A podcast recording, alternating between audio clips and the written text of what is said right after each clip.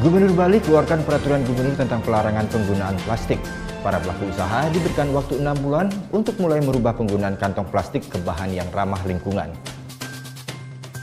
Bagi Anda yang mau berbelanja di pasar dan pusat perbelanjaan di Jakarta, bersiaplah untuk membawa kantong belanja pribadi karena mulai hari ini seluruh pusat perbelanjaan, toko swalayan hingga pasar dilarang menggunakan kantong plastik sekali pakai. Kalau menurut saya ya lebih bagus kalau nggak pakai kantong. Karena juga kita borosnya itu, Neng. Belanja yang 2000 pakai kantong, yang 5000 pakai kantong.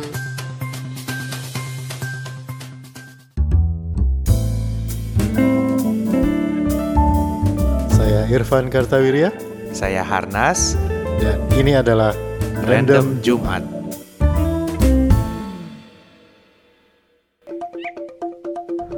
Selamat hari Jumat. Selamat hari Jumat. Selamat bergabung kembali di podcast Random Jumat. Random Jumat. Terima kasih buat yang udah kasih-kasih komen. Oh iya, terima kasih terima juga kasih ya. banyak. Terima kasih juga buat yang udah dengerin terus ini dari Iya. season 1 sampai season 6. Iya, kita senang bisa menghibur Iya, ya. eh, kita senang bisa menghibur dan kita tetap eh, selalu heran dengan kalian yang mendengarkan dari season 1 sampai season 6 ini gitu. Iya. Apakah kalian tidak punya pekerjaan lain? Uyuhan gitu. Uyuhan gitu. Tapi eh, eh, mungkin eh, Random Jumat sudah menemani banyak eh, kegiatan-kegiatan kalian ya. Betul. Itu ada yang suka rutin katanya kalau jalan dari Jakarta ke Bandung Jumat Ngedengerin malam kita dengerin gitu Random ya. Jumat gitu. Padahal kan kalau dengerin Random Jumat dari Jakarta ke Bandung itu kalau berangkatnya dari Jakarta Selatan itu baru sampai Pasar Rebo udah habis. Cuma setengah jam gitu. Itu sebelum Covid, Van. iya makanya se- kalau kalau setelah covid ini paling sampai em, Bekasi Barat Iya. Bekasi Barat. udah habis gitu gitu Aduh, dulu Om dengerin kaset waktu Jakarta Bandung. iya yang otomatis switch side A side B biar- Iya betul, biar gak harus ganti-ganti. Terus kilometer 90 suka ganti sendiri. Waduh panjang. Oke, topiknya hari ini adalah kita mau ngomongin apa sih kita mau ngomongin soal plastik kresek. Ya, Wah, karena sebentar lagi mau dilarang Hmm. di Jakarta nih denger-denger ya. Bukannya udah ya udah dilarang belum Eh, udah ya? Nggak tahu, mall tutup sih gua nggak tahu plastik. gua Gua nggak bisa juga- ngecek plastik buka apa nggak. gue juga udah udah lama nggak ke Iya. nggak nggak belanja di Jakarta kan belanjanya kan di sini gitu. Iya, sebenarnya sebenarnya tuh gue juga bingung ya kalau sekarang ke minimarket itu dia udah nggak nyediain kantong kantong eh, kresek lagi yang Hmm. yang gratis gitu kan kita harus Hmm, bayar. iya. Itu. Kenapa? Katanya Pemda melarang plastik sekali pakai. Hmm. Padahal gue udah janji sama mbaknya, mbak ini nggak sekali kok, nanti saya pakai lagi kok, bener pak gitu. Tetep gue disuruh bayar. kan yang dilarang oleh Pemda adalah plastik sekali, pakai. bener di, itu kan di- kresek gue pasti pakai lagi, nggak mungkin gue buang. juga di undang eh bukan undang-undang siapa peraturan ya per, pergub atau apa itu Iya. juga tulisannya adalah eh, eh, kemasan kantong sekali, Sekali pakai pakai, padahal gue nggak pakai Iya. sekali dah mbak. Abis ini juga saya pakai lagi kok. minimal tuh dua kali Minimal sekali dua buat kali. bawa, barang dari toko ke rumah Iya. yang kedua adalah buat eh, wadah sampah bungkusnya Iya betul.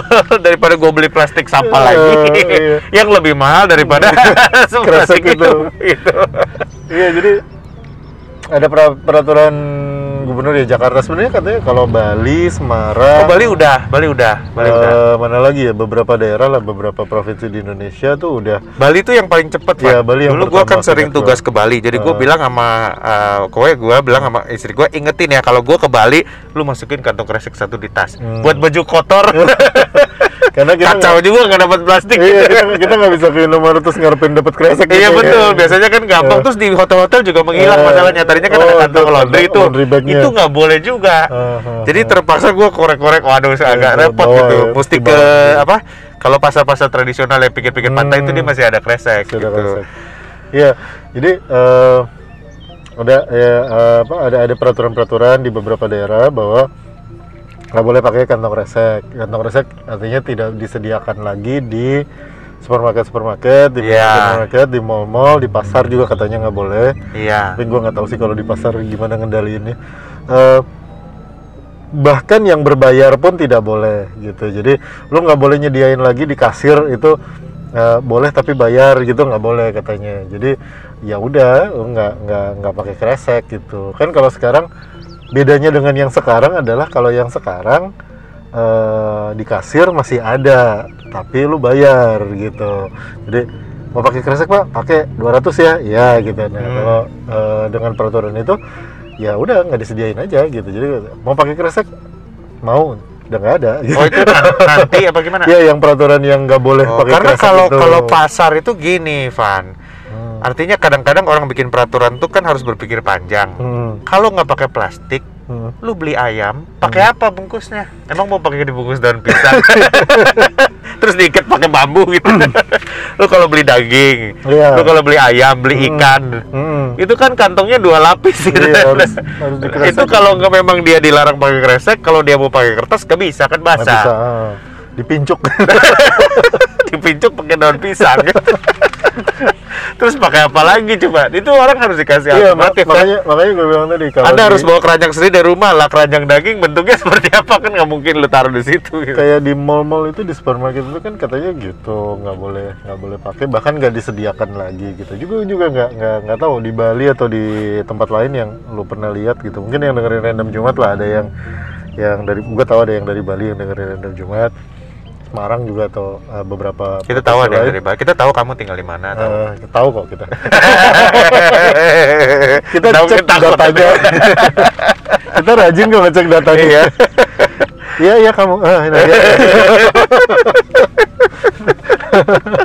kamu yang mulai was was ini Iya iya iya. iya. Iya. nah eh, maksud gue gini gue Tadi tanya- download apa ya? sebelum yang ini nih Sebelum ini atau sekarang lagi torrent apa ini? nah eh, maksud gue yang yang gue pengen tahu dari dari lu atau dari teman-teman yang dengerin random Jumat kalau di supermarket itu kan kalau kita beli ya tadi lu bilang ya beli ayam beli Hmm. beli buah aja kan ada kantong plastik roll itu yang digulung itu yang kita sobekin Iya betul. gitu. Ha. Apakah itu termasuk karena itu justru lebih sekali pakai lagi kalau menurut gue Iya, daripada betul. kresek gitu Betul betul. nah kalau itu nggak boleh terus Alternatifnya apa? eh, gimana tata caranya gimana lu mau Iya. beli beli eh, apel sekilo gitu apakah dirau saja gitu di di raup saja Terus kalau gitu di Hawaiian kan dipakai stiker sold gitu kan. Heeh, kalau udah dibayar. di- Apakah iya. kalau kita beli 20 biji dia 20 kali stiker. Terus sebelum kita makan ada yang kekunyah ini apa? Oh, stiker sold. iya itu kalau di kalau di Aeon suka di stikerin Iya, gitu. betul. Udah- mau pakai kresek nggak nggak di stikerin namanya Iya. gitu nah itu eh gue nggak tahu gue gue sudah cukup lama tidak ke luar kota untuk melihat eh, situasi di luar sana bagaimana pembatasan kantong kresek ini ber- bekerja? Apakah hanya kantong kreseknya gitu yang yang dibatasi atau semua gitu sekantong-kantong buah kantong ayam yang tadi lo bilang itu? Itu tuh gue nggak tahu tuh Iya. sebenarnya. Jadi kalau kalau mau di share share lah sama kita gitu. Ya, boleh, boleh, boleh, gitu. Jadi enggak pak, cuman kreseknya doang yang nggak boleh. Kalau itu mah tetap ya gitu ya, oke lah gitu. Iya, Gitu, iya, biar iya. kita sama-sama tahu aja gitu. Iya, tapi Karena kan kuncinya memang mengurangi eh, pemakaian plastik gitu Iya. ya, mengurangi pemakaian plastik Sebenarnya dan garis bawah dari peraturan itu adalah mengurangi limbah plastik. limbah sebenarnya. plastik betul, mengurangi limbah plastik. Iya. Jadi eh, cuman ya itu eh, apa gue peringat pertama kali belanja di Jerman tuh, Hmm. Ya, begitu datang kayak gitu kan, masuk masuk masuk keranjang, udah mah nyewa ka- keranjang itu teh harus nyewa satu bukan Hmm. nyewa sih, Hmm. lu masukin koin satu Nanti setengah euro. Koinnya keluar lagi. Iya, Nah, nanti kalau lu kembaliin ke tempatnya yang Eh. jauh dari tempat parkir lu gitu kan, koinnya lu ambil lagi. Masalahnya satu setengah euro tuh kan kita mikirnya 15 eh dua tiga puluh ribu kan bisa dapat ketoprak satu gitu kan. Eh. Nah, terus pertama kali tuh nggak nggak dikasih plastik van Hmm. gitu. Wah, gua kaget juga gimana cara bawanya gitu kan. Nah, eh, jadi eh, terpaksa beli gitu dan belinya tuh Hmm. lumayan mahal kalau di Eropa ya. Pokoknya bisa beli ketoprak juga lah gitu ya plastiknya. nah, kalau di Indonesia sebetulnya 200 200 rupiah kan kalau nggak salah ya. Hmm. Nah, Hmm. terus gue pernah waktu pertama kali eh, peraturan itu diterapkan, terus gue ini kayak di Eropa nih keren nih gitu ya. Hmm, hmm, hmm. Pas eh, di supermarket gini gini gini, Hmm. udah udah udah nggak usah pakai plastik, bayar pak, udah nggak usah pakai plastik. Terus istri gue bilang bayar aja, kenapa? Itu lebih murah dari plastik Hmm. eh, sampah tahu katanya. Bener juga plastik sampah teh Iya. 400 500 perak Pak. Gede ya udah udah plastik ini semua pak, karena gue perlu buat plastik sampah Iya, gitu. kita memang mau beli kok plastiknya. Iya, kita memang perlu itu plastiknya gitu. Mau kita pakai lagi sebagai plastik sampah gitu. Iya itu plastik sebenarnya kan garis besarnya kan itu untuk mengurangi plastik limbah gitu ya limbah plastik. Limbah plastik, Nah, iya. Jadi dan itu kan akan jadi limbah kalau makainya sekali gitu. Betul. Kita pernah bahas tentang Tupperware misalnya. Iya. Kemarin kan kita bilang Tupperware itu nggak pernah disebut limbah plastik kenapa? Karena makainya nggak ada yang sekali pakai. Betul. Se se se keluarga selebriti tingkat nasionalnya pun lu nggak ada yang pakai Tupperware sekali pakai gitu. Iya, betul. Keluarga siapalah gitu Ruben Onsu Nia Ramadhani gitu nggak ada yang pakai. Raffi Ahmad gitu Raffi ya. Ahmad Ah, nggak ada yang pakai Tupperware Tupperware sekali pakai buang gitu. Enggak. Nah, Kalau ada mungkin gua cariin tempat sampahnya yang dicuci. Kalau tutupnya hilang gua bisa klaim. bisa klaim ke, ke Tupperware. Nah, tapi kalau kresek ini kan apalagi dengan kualitas kresek sekarang ya kan Iya. tipis gitu lu kesangkut dikit sobek udah nggak bisa dipakai gitu. Iya, betul betul.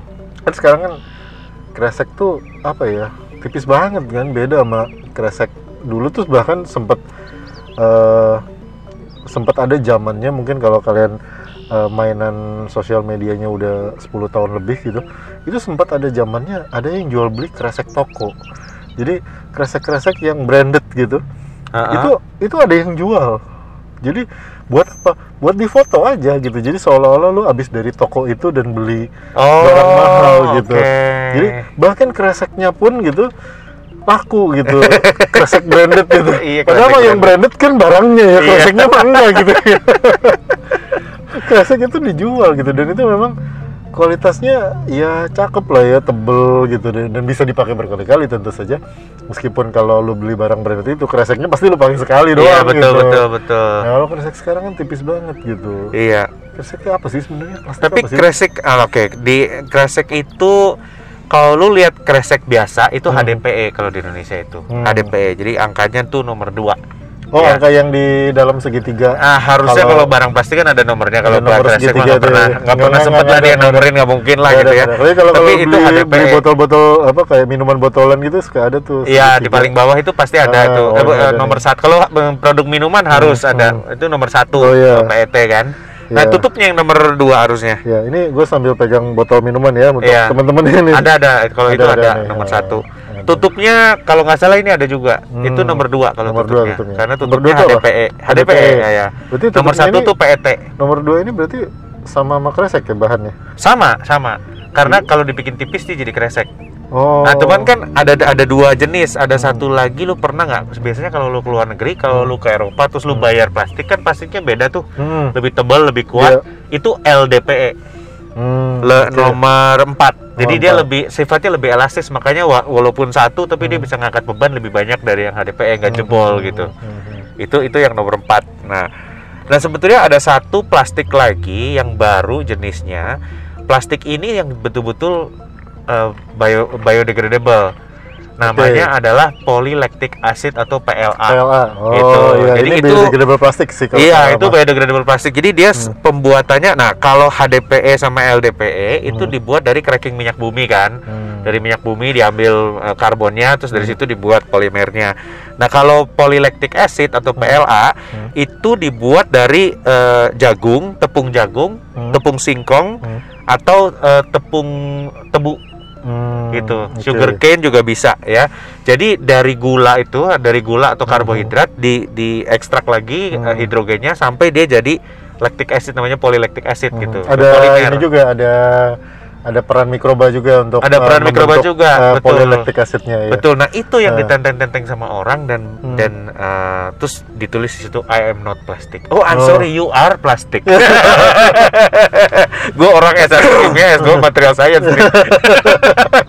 Definisi plastik itu Nah. adalah bahan yang bisa dibentuk dengan suhu tinggi. Hmm. Termoplastik material Hmm. gitu. Jadi kalau dipanasin tuh dia leleh. Hmm. Terus kalau suhunya turun tuh dia keras lagi. Itu Hmm. namanya termoplastik material. Hmm. Ya bahan yang bisa dibentuk berasal dari polimer Hmm. uh, dan dibentuk dengan cara dipanasin Hmm. itu namanya Plastik. plastik. Termasuk I am not plastic tadi gitu kan. Berarti Tapi bedanya dia sama plastik-plastik lainnya dia bukan dari hidrokarbon, jadi dia biodegradable gitu. Hmm, Berarti mahasiswa-mahasiswa gue tuh sebenarnya bisa disebut juga adalah plastik ya karena dia dibentuk dengan suhu yang sangat tinggi. Panas pisan di kampus itu. Di kelas itu suasananya kalau soal-soal sudah keluar itu suhunya langsung meningkat dengan Iya. cepat gitu. Dan kalau didinginin dia lele lagi. Dia ya, keras lagi. dia- didinginin dia jadi dibentuk seperti plastik gitu. Tapi Betul. mereka bukan sekali pakai yang jelas. Iya, tapi tapi gini ini, ini ini Mereka buat tangguh. bu- buat teman-teman juga perlu tahu bahwa yang namanya polylactic acid nggak bisa dikubur dalam tanah. Hmm. Sama aja sama plastik lainnya, dia tidak bisa terdegradasi dalam suhu ruang. Oke. Jadi harus dia- masuk ke recycling facility. Recycling facility dihidrolisis dulu. Ah, ah, ah. Dihidrolisis itu artinya di lah ininya, rantainya, baru dia bisa 100% biodegradable. Artinya kalau lu beli plastik dan lu beli I am not plastik, Hmm. dua-duanya dibuang ke tanah, dua-duanya tuh jadi polutan. Hmm, jadi Gitu. eh, tidak menyelesaikan Tidak masalah menyelesaikan dari masalah. sisi itu. Dari ya. sisi itu. Kecuali kalau kita punya hydrolysis recycling- centernya, recycling facilities Ah, gitu hydrolysis ya. centernya untuk PLA ada nggak? Kalau nggak ada ya percuma kalau kita buang gitu. Nah, Makanya yang dipakai sama ini kan sama apa ke kresek-kresek sekarang itu ya terakhir sebelum dilarang di sebelum dilarang lah ya bisa Iya. dibilang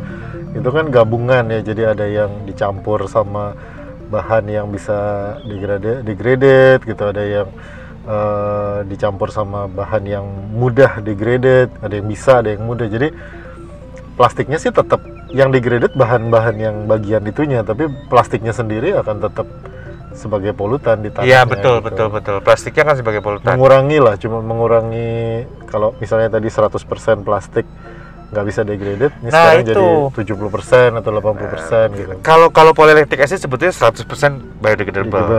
Nah. Tapi harus ada PR-nya eh plastik teh. Nggak bisa kita kayak kulit apa kayak kulit pisang gitu loh tinggal Iya. dibuang itu teh I'm sorry gitu kulit ya. pisang aja dibuang di sungai nggak boleh nanti Ah, ah. mampetkan sungainya jadi Iya.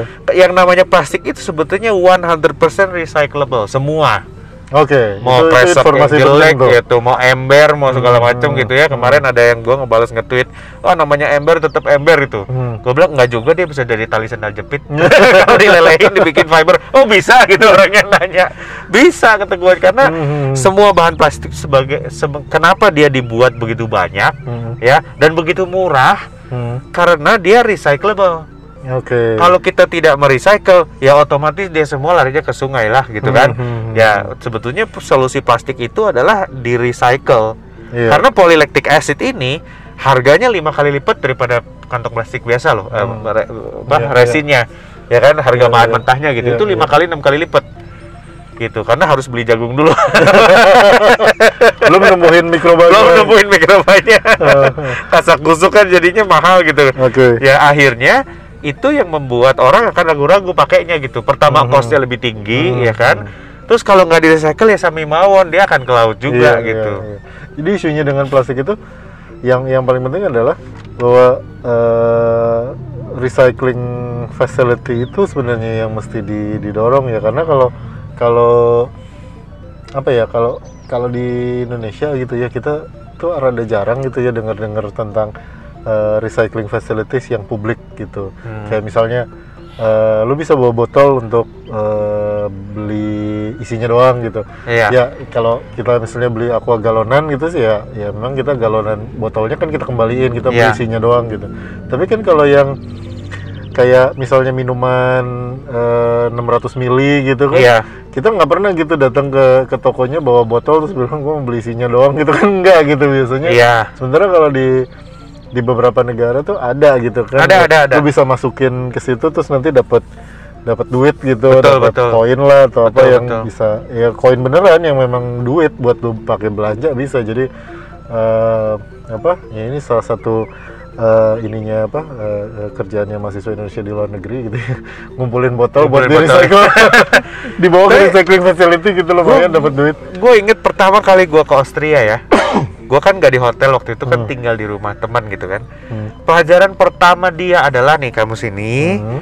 kamu udah berdiri di depan sink tempat cuci piring Hmm. buka bawahnya Hmm. kamu lihat di bawah situ tempat sampahnya kantong plastik sampahnya ada tiga warna oke satu biru satu kuning atau putih gue nggak inget Hmm, hmm, putih itu yang eh, ya, kulit pisang dan sebagainya hmm, yang kuning itu sesuatu yang berhubungan dengan plastik hmm. yang satu lagi berhubungan dengan kertas atau Hmm. logam gitu loh ya. Iya, iya, Jangan lupa ini. Hmm. Itu pertama kali gue menginjak rumah Eh, itu, oke. ya mau tinggal di situ dia kasih tahu dulu gitu. Eh, eh. Please separate your trash gitu. Iya, iya. Ya dan uh, kalau gue baru lihat drama Korea juga gitu sekarang di Korea juga Hmm. ada Van walaupun nggak secanggih kayak di Jerman ya. Di Hmm. Korea itu cuman apa pakai eh, apa sih kayak terpal gitu ya, Mhm. di tempat sampah gede terpalan, Hmm. tapi terpalnya beda-beda warna Hmm. gitu. Dan eh, begitu dia ny- ny- sortirnya salah dia komplain nih. Hmm. "Weh, gimana sih ini sortirnya benerin dong gitu loh ya. Hmm, Nah, hmm, kalau menurut gua itu harus kita lakukan gitu. hmm. Menurut gua ya.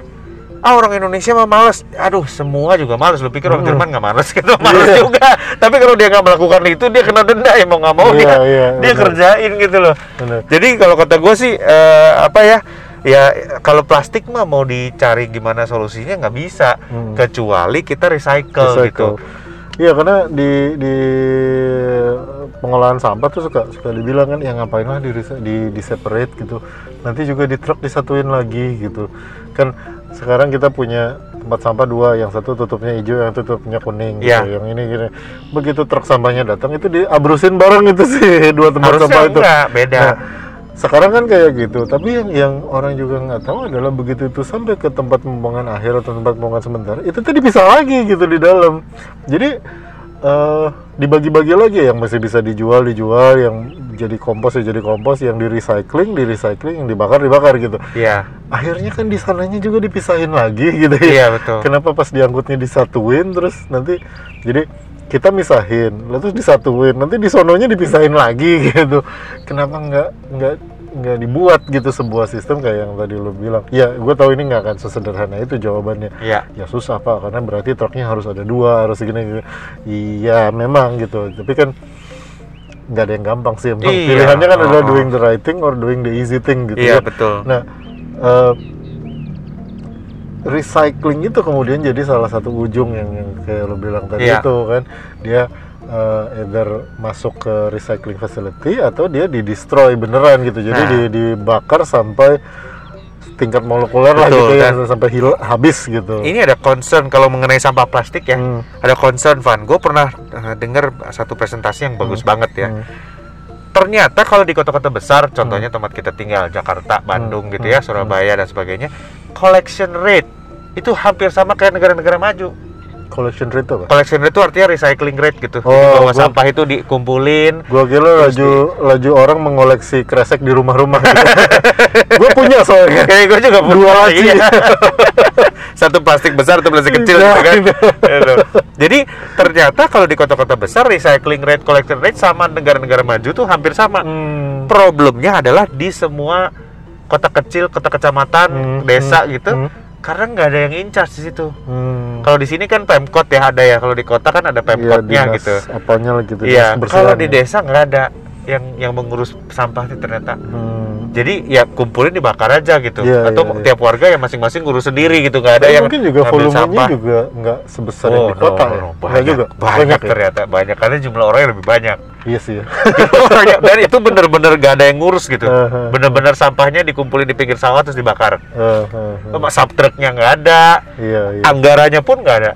Jadi Dinasnya juga su- suka dinasnya digabung. juga iya. Kan kalau di di ini kan dinas kebersihan gitu. Iya. Kalau di yang daerah-daerah yang lebih kecil itu kan suka digabung-gabung jadi dinas kebersihan dan apa dan apa Iya gitu betul biasanya betul. gitu. Kalau yang di Jakarta tuh selalu gabung itu dinas pertamanan dan pemakaman, garden and graves. Hmm. Iya.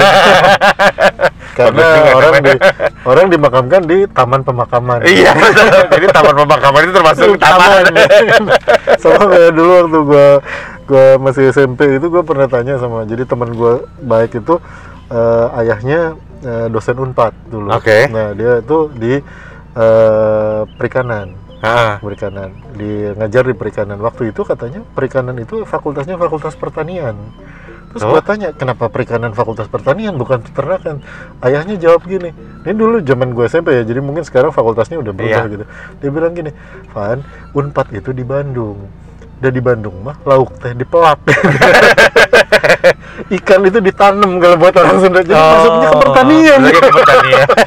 jadi kalau ada fakultas kelautan gitu kan ya. jadi kalau kalau pertamanan ke taman mak taman makam pemakaman umum itu masuknya ke taman nih. Kalau lu baca lamaran ya, Fakultas Kelautan Unpad bohong pisan. Kamu ada laut di mana coba? Tapi di Bandung di ITB ada nggak kelautan? ada Ada ya? teknologi kelautan. Teknologi kelautan. Eh, Oke. nggak tahu kalau di Unpad ada nggak nih Sokshare eh, yang anak Unpad? Kita terakhir, lu terakhir main ke Unpad kapan? Ah, nggak tahu udah. Gue baru tahun kemarin main ke Unpad, tapi ke aulanya. Jadi gue nggak nggak tahu fakultasnya sekarang ada apa aja. Tapi dulu mah itu di apa katanya gitu, karena lauknya dipelak. Jadi pertanian masuknya. pertanian.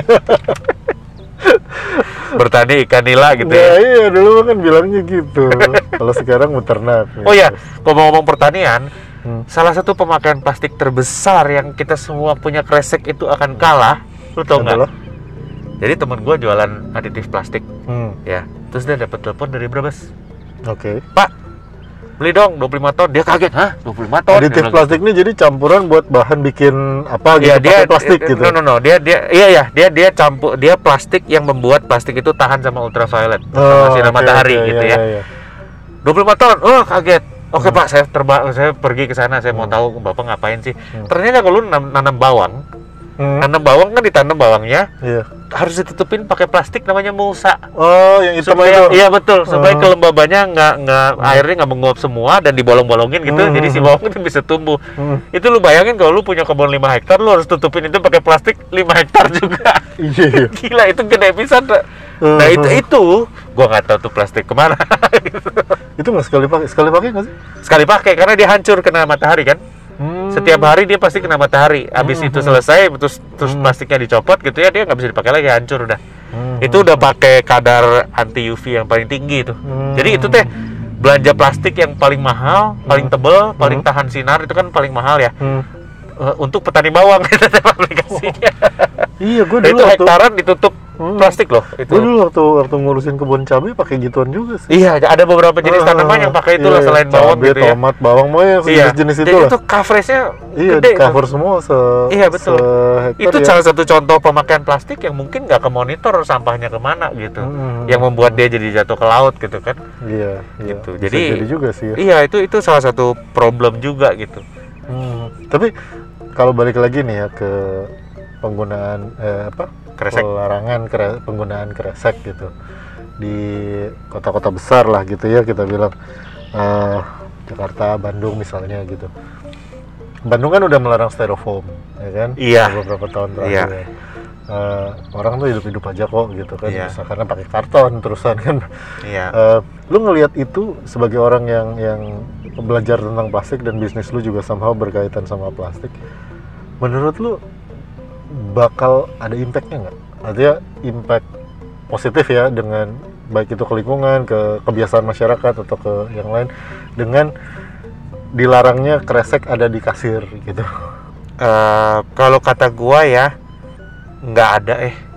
Sorry ya. Soalnya gini data sekarang menunjukkan bahwa waste plastik terbesar adalah di kota kecil dan kota kecamatan. Terus eh, data menyebutkan bahwa waste plastik terbesar adalah sachet Oke. karena sachet itu dimetalize Hmm. ya kan yang ada logamnya Iya. dan itu tidak bisa di recycle kalau udah ada logamnya Oke. gitu loh dan lagi-lagi konsumsi terbesarnya di kelas menengah ke, apa di kelas kota kecamatan desa dan kabupaten bukan di kota besar Hmm. solusinya adalah melarang semua kantong kresek di kota besar jadi kira-kira Udah nyambung Gitu, sih. ya. Udah dan itu men- mendisrupsi apa ya eh, artinya orang yang yang yang udah punya pabrik plastik terus mendadak harus ber- nggak bisa produksi gitu kan Hmm, hmm. mendadak harus ganti ke mana ke mana Hmm. oleh satu peraturan yang pokoknya gua larang aja dulu gitu Hmm. ya itu itu Iya, menurut iya. gua bahaya bukannya gua nggak gimana ya tapi lu kalau menyelesaikan masalah dengan plastik eh, mulai dengan recycle dulu Hmm. lihat dulu masalahnya di mana dan solusinya harus ke situ ya. Artinya kalau sakit kepala lu makan obat sakit kepala gitu. Iya, iya. ini sama aja lu makan diataps untuk mengobati sakit kepala.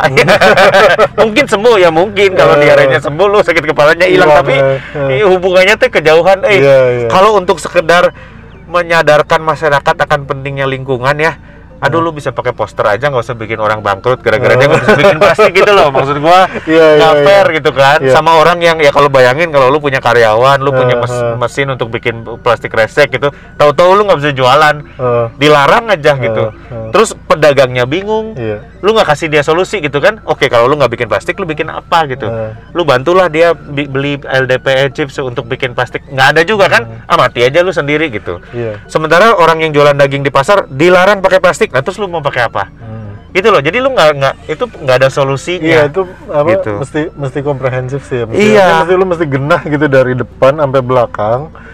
Eh, Oke kalau misalnya eh, bulan ini lu larang penggunaan plastik gitu, tapi terus bulan depan keluar misalnya eh, insentif untuk membesarkan eh, apa eh, recycling facility, betul eh, apa eh, transferring plastik Iya, atau Eh, bea masuk LDPE diturunin nah, gitu. seterusnya, Jadi seterusnya. plastiknya bisa buat berkali-kali dipakai Iya, gitu. jadi Jadi, ini makanya- pabrik nggak berhenti makanya gitu. tuh jadi jadi apa eh, nggak ada magic solution gitu ya Nggak ada. yang I'm sorry, nggak pokoknya begitu lu larang ini terus tiba-tiba dunia bersih dari plastik gitu Nggak, nggak iya. akan terjadi gitu karena ya, yang gitu. bersih di Jakarta, sementara yang bikin kotor bukan di Jakarta Iya. gitu, sama aja percuma Iya, gitu. jadi itu tidak akan tidak akan terjadi Betul. sebagai sebuah langkah mungkin eh, ada impactnya sih pasti ada gitu Iya. kalau menurut gua cuman apakah sebesar itu impactnya itu mesti dilihat banget gitu Betul, betul. Nah, masalah masalah eh, plastik ini kalau ya dari dari obrolan kita di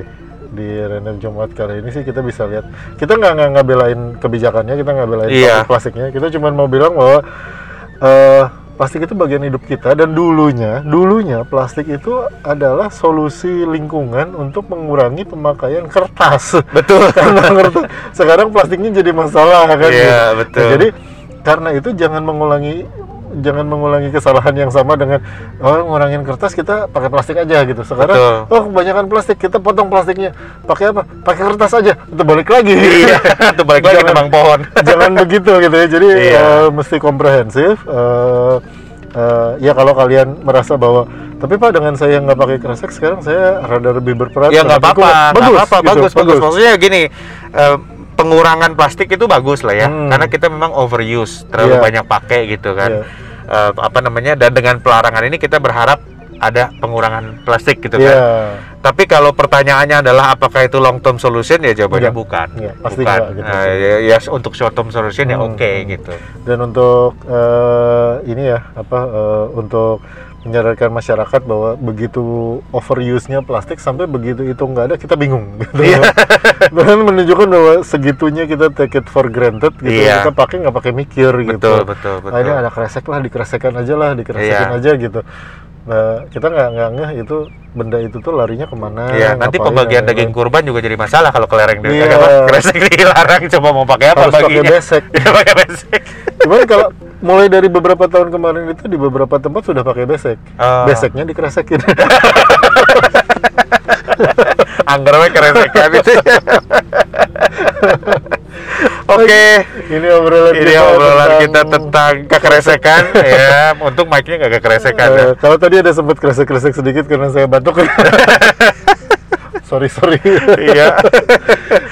ya, mari kita berpikir lebih banyak untuk Indonesia yang lebih baik. Iya, ya. kalau ada ide-ide tentang atau wah nggak setuju pak akan begini begitu begini gitu, mangga silakan kita Iya. mah bebas aja lah. Iya, gitu ya. kita mau ngobrol-ngobrol aja silakan ya. di mention ke Irfan Karta atau ke at It's Harness. Eh, saya tahu teman-teman yang yang main di lingkungan, nah, di Iya. isu-isu lingkungan, kayaknya semangat banget nih tentang plastik gitu. Eh, sob, kita share aja idenya gitu, sama-sama kita bahas. Eh, biar santai aja, maksudnya bahasnya nggak usah terlalu serius gitu, karena ini kan random Jumat. Kebetulannya jarum menunjuk pada kantong kresek. Kita bahasnya kata kresek. Oke, terima kasih sudah mendengarkan semua teman-teman. Salam, saya Harnas. Saya Irfan Kabira, kita ketemu di random Jumat berikutnya. Bye. Bye.